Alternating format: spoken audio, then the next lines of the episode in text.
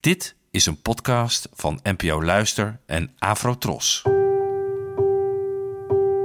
Poëzie vandaag. Met Ellen Dekwits.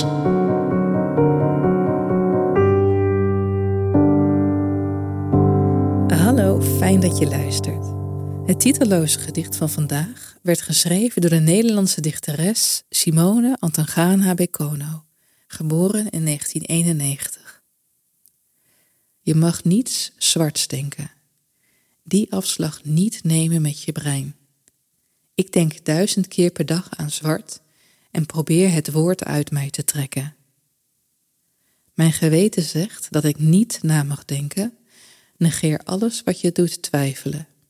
Ik denk duizend keer per dag aan zwart. De voetballer uit Guadalupe houdt van Nederlands eten. Hij zegt nasi goreng, roti, erwtensoep. Ik ben een land en een land dat ertoe doet. En nee, ik ben niet op vakantie. Dat vliegtuig kwam niet van de grond. Er is geen stewardess aan wie ik kan vragen hoe lang dit nog moet duren. Hoe lang ik nog moet luisteren naar de lotto-reclames. Ik zit vast tussen ruimte en grond. Een dode ruimte, een onbevattelijke situatie. Een deur die nergens toe leidt, maar wel, werkelijk, constant opengaat.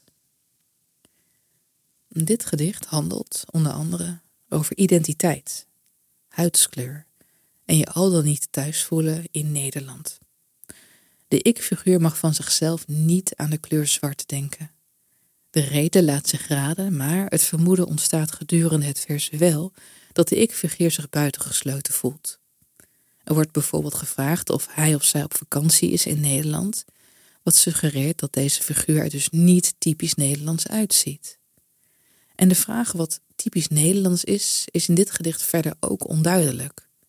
Er is een voetballer uit Guadalupe die zegt dat hij van Nederlands eten houdt, gevolgd door drie gerechten waarvan er maar één Nederlands is en de overige twee afkomstig zijn uit de voormalige Nederlandse koloniën Indonesië en Suriname.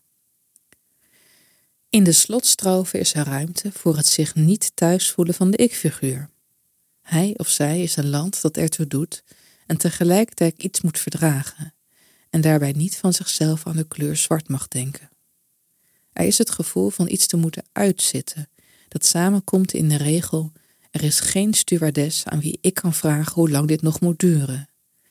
En tenslotte is er de vaststelling dat de ik vastzit tussen ruimte en grond.